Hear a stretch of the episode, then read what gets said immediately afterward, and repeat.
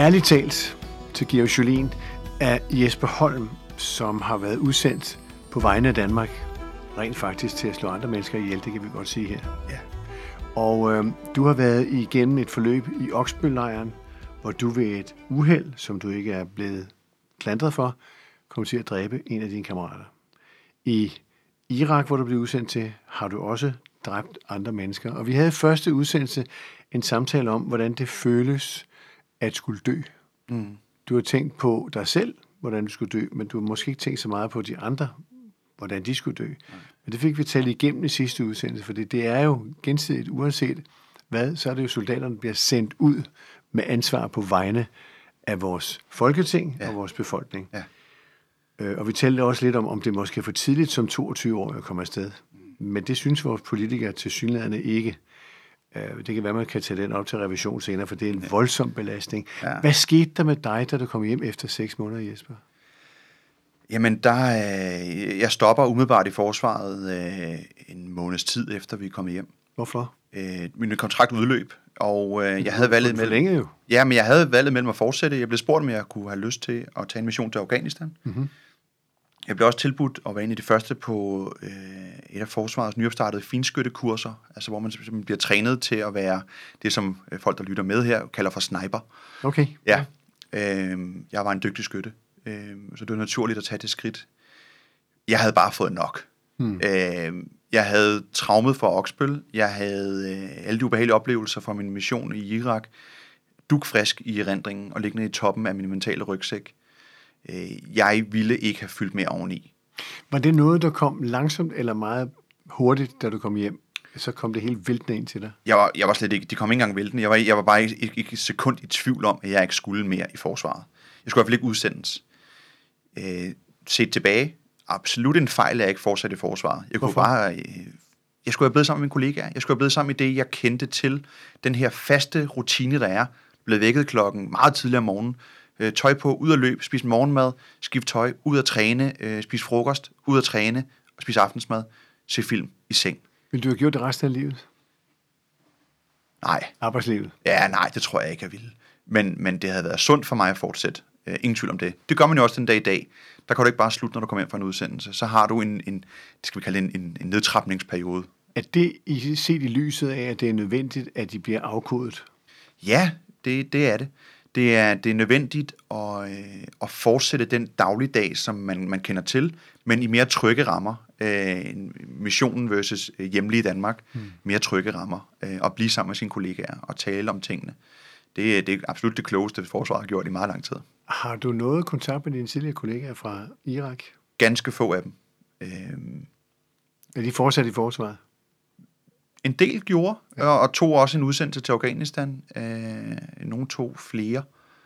Øh, vi, vi- vi, skrives en gang imellem og taler sammen en gang imellem. Øh, ja. Men Jesper, nu øh, er du så lykkelig, så du har et, en lille datter på 8 måneder, mm.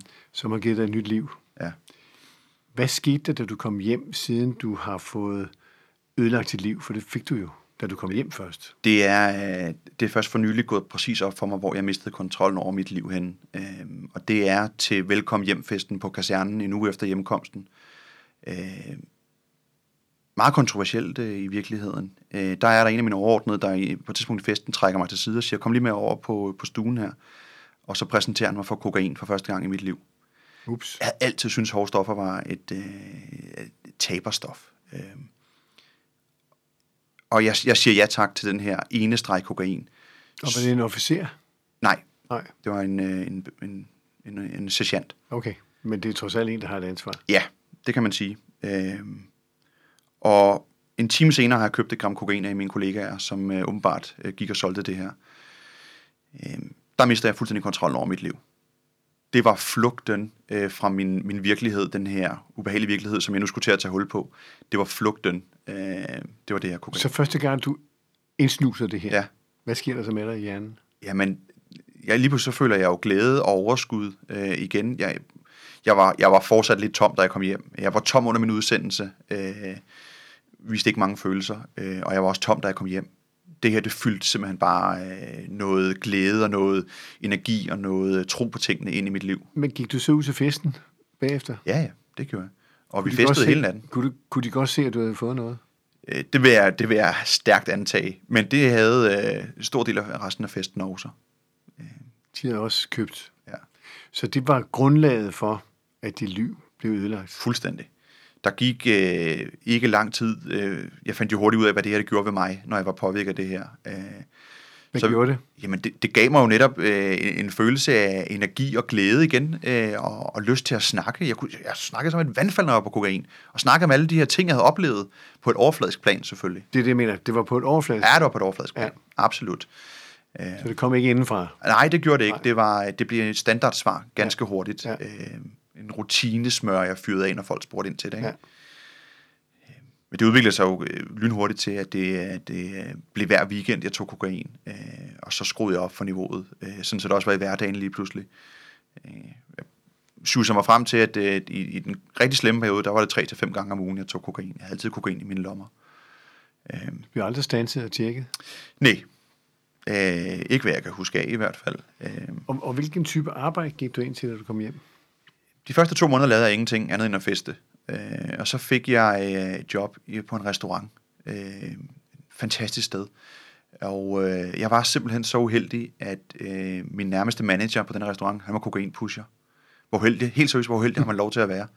Så nu havde jeg ikke bare øh, adgang til det i weekenden, nu havde jeg det også hver dag, når jeg var på arbejde. Og det var her, hvor jeg skruede op for niveauet. Øh, så nu tog jeg også kokain, når jeg var på arbejde.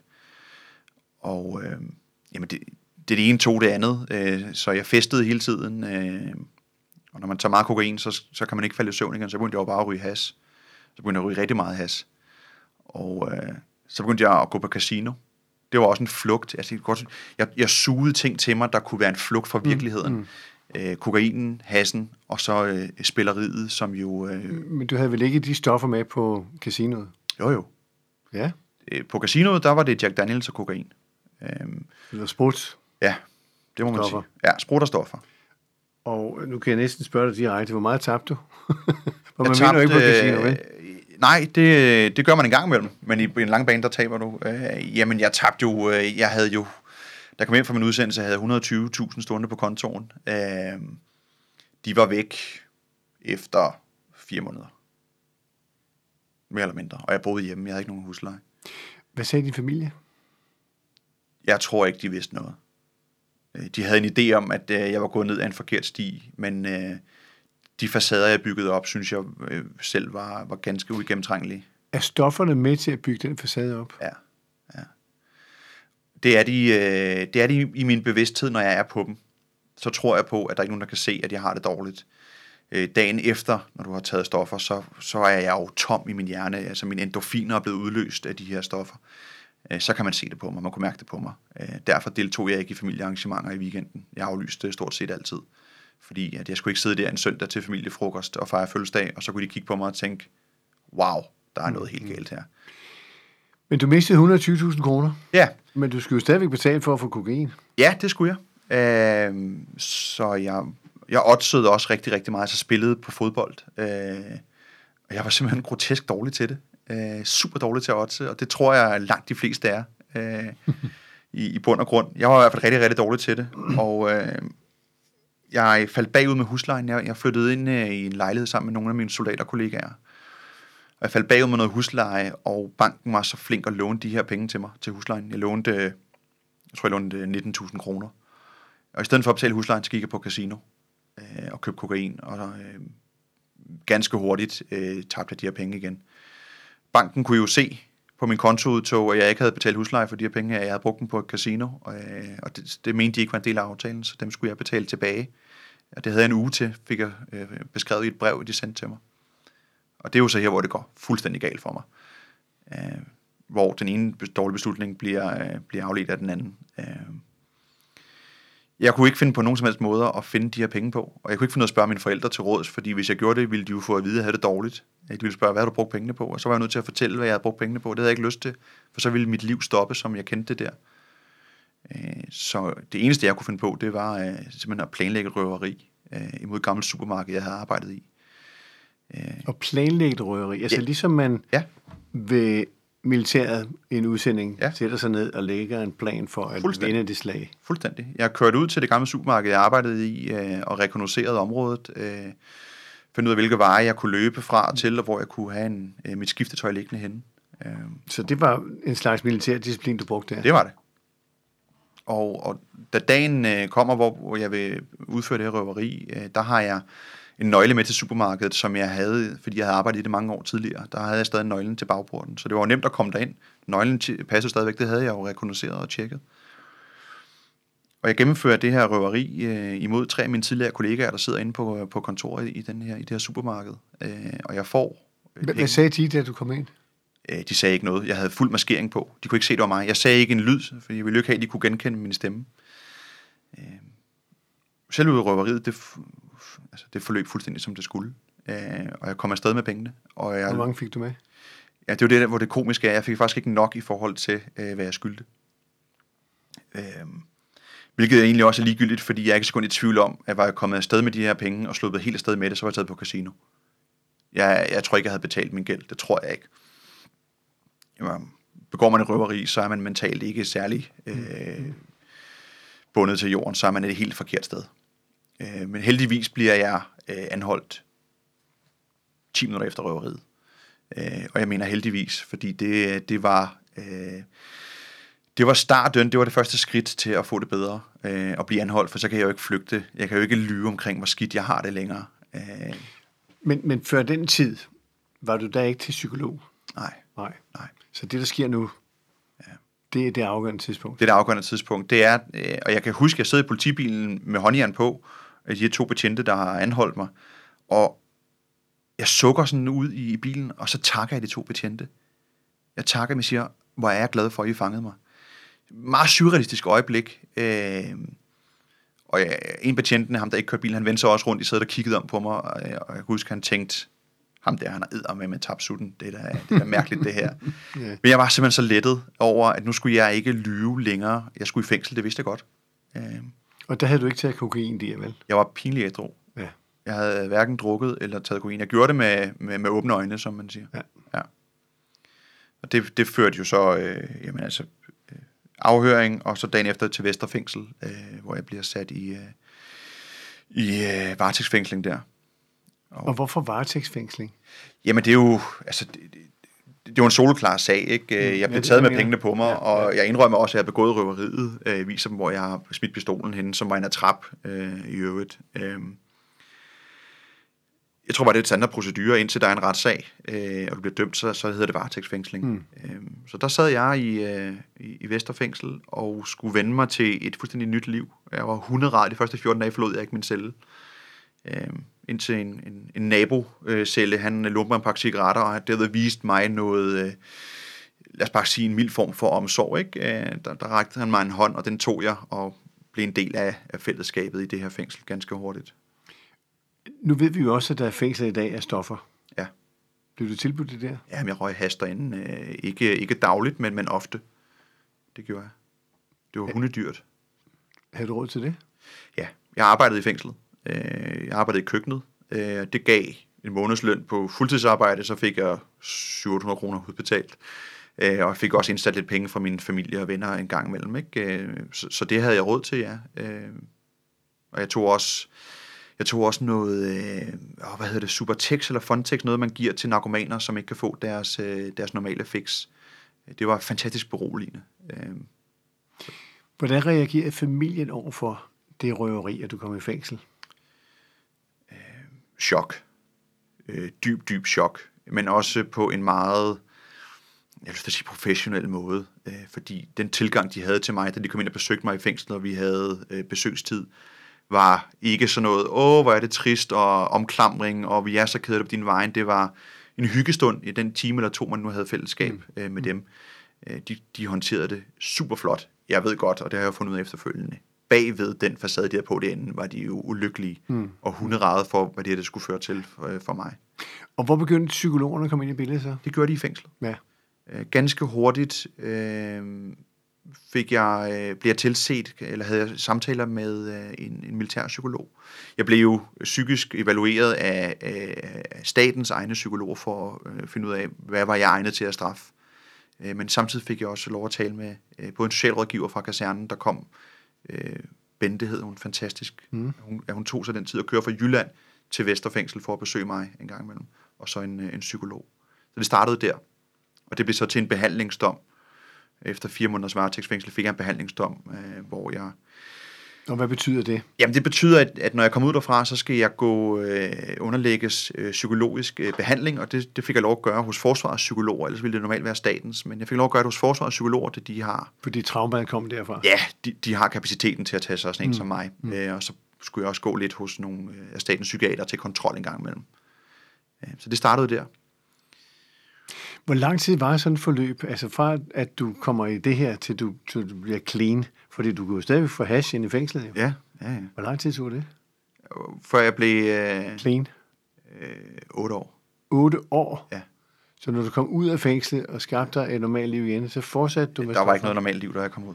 Det var der det allerførste, jeg gjorde, det var at tage Tivoli med, øh, med, med gode venner og øh, drikke literfadøl og tage kokain. Det var det allerførste, jeg gjorde. Øh, og jeg rodede mig ud i nøjagtigt det samme. Jeg, jeg var blevet lidt en smule forhærdet ind i fængslet. Jeg har fået taget en ny personlighed på mig. Jeg var, jeg var blevet omgivet med kriminelle, hardcore kriminelle, som havde det som, som, som, som livsstil og som altså, karrierevej. Øh, den personlighed, den tog jeg med mig ud.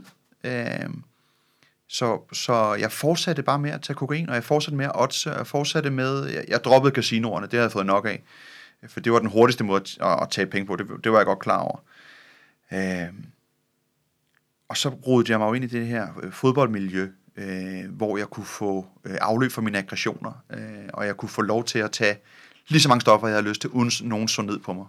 Hvilken klub var det? Det var Brøndby. Hmm. Ja. Det, det kunne lige så godt have været en anden klub. Ja, ja. Øh, det var bare det tilhørsforhold, jeg havde, og den klub, jeg øh, i dag også elsker selvfølgelig. Men Så, så når nu du er igennem det her forløb, og jamen, det tager 8 år, ikke også? ja, Hvad, hvad får dig til at, at skifte kurs? Min mor. Øh, absolut min mor. Øh, hvis, jeg, jeg, hvis jeg må indskyde øh, ganske hurtigt. De her otte år, hvor jeg øh, går til psykolog øh, i, i starten øh, en gang om ugen, øh, så ved 14 dage, og det varierede lidt, og så var der perioder, hvor jeg ikke gjorde, fordi jeg synes jeg havde det fint, og så ophørte min dom, og så kunne jeg jo ligesom selv styre, hvornår jeg ville gå til psykolog. Øh, den periode kunne jeg blive kortet dramatisk ned, hvis jeg ikke havde fortsat med at ryge has.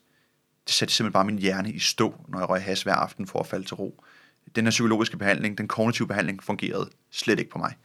Jeg stod- stille, ikke? Øhm, men det var min mor, der sagde, øh, en dag sagde hun, Jesper, øh, jeg kan høre på dig, du lyver. Vi sad og snakkede om noget i en bil. Nu lyver du igen. Og for en eller anden mærkelig årsag, for første gang nogensinde indrømmede jeg ærligt op i hendes ansigt, ja, øh, det gør jeg. Og det var noget omkring penge, kan jeg huske. Så hun, godt, øh, nu, nu gider jeg ikke mere. Det er for svært for mig at stå på sidelinjen hele tiden, og kun træde til, når du har brug for penge. Øh, så nu, nu kører jeg dig hjem, og så ses vi ikke mere. Ups. Ja. Og det, øh, det ramte mig lige ind i sjælen. Først troede jeg ikke på hende. Ja, ja, fint mor. Øh, Så kørte hun mig hjem, og jeg gik op i lejligheden, og jeg røg noget has, og faldt til ro. Og, og dagen efter hørte jeg ikke noget fra hende. Det gjorde jeg heller ikke dagen efter igen. Og en uge gik der, og jeg hørte ikke noget fra hende. Og der gik 14 dage, jeg hørte ikke noget fra hende. Øh, der var ingen kommunikation. Hun mente det rent faktisk. Nu ville hun ikke mere. Og jeg er enebarn på min mors side, ikke? så det her det var, det var rigtig svært. Jeg fik en hilsen på min fødselsdag. Der fik jeg en hilsen fra hende øh, hvor hun skrev, øh, tillykke med fødselsdagen, jeg håber, du har det godt, øh, du kan tage kontakt igen, når du har fået styr på dine ting. Der, der begyndte jeg at tænke, nu skal jeg få styr på mine ting. Mm. Jeg kan ikke leve uden min mor. Øh, så der, der, der opsøgte jeg øh, ludomani-behandling øh, og kom i et forløb der hos Center for Ludomani, og øh, jeg trappede øh, ud af, af hassen. Jeg holdt ikke op med at ryge has, men jeg trappede så meget ned, at behandlingen begyndte at virke på mig. Øh, og de hårde stoffer, tror jeg, jeg lagde helt på hylden øh, også. Så det var, det var min mor, der sagde, nu vil jeg ikke mere. Mm. Da det gik op for mig, hvor meget skade jeg gjorde på hende ved, at hun hele tiden levede i frygt. Og, og den smerte, jeg vidste, jeg påførte hende, den kunne jeg simpelthen ikke leve med. Øh, det blev jeg bevidst om lige der. Så din mor har været afgørende i den her sag. Absolut. Du er blevet gift, eller i hvert fald flyttet sammen med en, ikke? Min, min kæreste vil i hvert fald gerne øh, meget snart Nå, okay. okay. giftes. Så det er nede på knæ, når du kommer hjem. det må jeg nok heller, ja. og jeg har en 8 måneder gammel datter. ja, det har vi. Og, og det ender jo godt. Det endte godt. Mm. Og, og tror du på, at du kan stay clean the rest of your life? Ja. Hvorfor? Jeg har alt for meget mistet, og det er sådan en kliché igen. Øh, men jeg ved, jeg plejer at sige, at alle de her misbrug, jeg havde dem, øh, hvis I forestiller jer, jeg holder min knytnæve hånd øh, foran mit ansigt lige nu, Og den her knytnæve, det er en håndgranat, fyldt med alle de her misbrug, jeg har været igennem, alle de her dårlige ting, jeg har suget til mig i mit liv. Hmm. Og hvis jeg åbner hånden, så springer håndgranaten, og de her ting, de fosser liv ude på mig igen. Øh, og jeg ved, hvor ondt det gør at være i de her misbrug. Jeg ved, hvor ondt det gør at føle sig øh, bange for, for, om der nu kommer en pusher og vil have sine penge og klipper fingrene af dig. Jeg ved, hvordan det er at ikke have penge til at gå ned og købe noget at spise, så du øh, spiser pasta igen igen, eller ikke slet ikke spiser noget. Alle de her ting her, dem har jeg nu taget ind i min knytnæve. Øh, Og det, og det gør du en gang imellem, så tager du den her knytnæve op, eller hvad? ja, men jeg åbner den aldrig. Nej. Men, men det er metaforen for, hvad der vil ske. Det er symbolet for, hvad der vil ske, hvis, hvis jeg giver slip på, på de her ting her. Øhm, så øh, jeg er ikke et sekund i tvivl om. Man skal aldrig være definitiv, når man kommer til sådan noget. Man skal aldrig sige, jeg vil aldrig nogensinde ryge hash igen, hmm. eller jeg vil aldrig nogensinde øh, spille igen. Det har jeg lært hos, øh, hos afvendingen. Du skal aldrig sige, at du aldrig vil spille igen. Men jeg vil ikke spille i morgen. Og hvordan har din kæreste taget imod det her? For du har vel fortalt hende sandheden omkring det her. Ja, det har jeg. Det fortalte jeg på det, dagen efter vores første date. Mm-hmm. Fortalte jeg hende hele min historie. Hvad siger hun til det? Øh, Da hun var færdig med at græde, så, øh, så sagde hun wow, øh, og var jo øh, chokeret, kan man sige, fordi, som hun sagde, du ligner jo ikke sådan en. Nej, det, det gør jeg heldigvis ikke. Ikke i dag. Nu har jeg taget på og er blevet skaldet, og jeg har fået skæg og briller. okay. ja. Så der bliver ikke så meget soldat ud af dig mere. Ej, det... Og slet Øh, ikke narkoman. nej, slet ikke. Nej. Nej. Øh, Jesper, du tager ud og holder de her foredrag, og, og når nu pandemien øh, efterhånden forhåbentlig overstår, ja. Ja. så skal du rundt i hele landet. Ja. Og som sagt er overskriften jo fra udsendt til indsat. Ja. Er der spørgsmål undervejs der øh, i de foredrag, du laver, hvor, hvor du kan mærke, at der er nogen, der har måske været tæt på at være det samme? Ja, øh, jeg holder jo både oplæg øh, i privat regi, men jeg gør det også for en, en virksomhed, der hedder Contact, øh, hvor vi er en del på scenen, der fortæller om traumatiske oplevelser ja. og at være i ekstreme miljøer. Øh, der får jeg øh, nogle gange, jeg kan se blandt publikum, øh, nogen, der, der græder, mm. øh, eller er så, så lige bleg i ansigtet, at jeg kan fornemme, okay, du har en eller anden form for connection med det, jeg fortæller om. Øh, og nogle gange er der også veteraner til stede, som kommer hen bagefter og får en sludder. Men du holder ikke foredrag for unge mennesker, for eksempel, på skolerne? Jo, eller? det gør jeg også. Okay, Jo. godt. Det gør jeg. Jeg holder både øh, helst, øh, helst ikke yngre end, end, end 9. klasse, men, men 8. klasse kan godt gå med. Og hvordan øh, opfatter de det? Kommer de også med spørgsmål? Det gør de, men det er jo nogle helt andre spørgsmål, end øh, en, en mentalt færdigudviklede voksne stiller. Øh, Jo, men det er vel alligevel nysgerrighed, ikke? nysgerrighed, det er meget mere, hvordan føles det at skyde nogen? Ja. Øh, hvordan føles det at sidde i fængsel? Hvordan føles det at tage stoffer? Øh, hvor voksne nok mere øh, på lidt dybere niveau. Øh, hvad gjorde det ved dig? Mm. Øh, Så der er moral til sidst til de unge mennesker, så de ikke skal falde samme hul. Det er der. Øh, og moralen i, i, i, mit, øh, i mit, min fortælling er jo, og det vil jeg gerne have alle tager med sig, at hvis du går med noget, hvis du har det svært, hvis der er noget i dit liv, som er i ubalance, og du ikke kan, selv kan afhjælpe det her, så ræk fingeren op og bed om hjælp. Det er ikke en svaghed at, at, at vise, at man er sårbar og vil have, have, have brug for hjælp. Det er en styrke at bede om hjælp. I, øh, Hvad laver du det rent fagligt? Øh, jeg prøver jo at holde så mange foredrag som muligt, men, øh, men der er jo en, en virus øh, i vejen, øh, så nu ernærer jeg mig med at, øh, at, at, at lave øh, mad for en cateringvirksomhed. Men kunne man forestille sig, at du kunne læse videre, måske gå ud og hjælpe andre mennesker med det der kæmpe? Jeg tror, næste skridt for mig, det er en øh, misbrugsvejlederuddannelse. Ja. Øh, det skal lige passe ind i, øh, i forhold til, at min kæreste også lige bliver at være, være færdig med sin uddannelse, ja. øh, og vores datter skal være der, men, øh, men det er næste skridt for mig. Så det er tankerne i hvert fald. Ja, Så der kom noget godt ud af det, det gør der. og der kommer noget godt ud af det. Ja, det fortsætter. Min, min helt store mål er at få lov til at arbejde med, med veteraner, veteranindsatsen, øh, fordi jeg ved, hvordan det er. Jeg ved, hvordan det, det er at stå i, i lort til halsen og ikke vide, hvad fanden man skal gøre. Jesper, jeg håber, der kommer mange ud og høre det her foredrag, for du bruger faktisk to timer på det, Ja, og det er efter spørgsmål. ja. Så jeg ønsker dig held og lykke. Også tak. til de andre mennesker, som skal høre på det, fordi der sidder nogen derude, som har behov for det. Ja, tak. Så held og lykke med det, Tusind tak. og tak fordi du kom ind her. Jamen selv tak, det var en fornøjelse.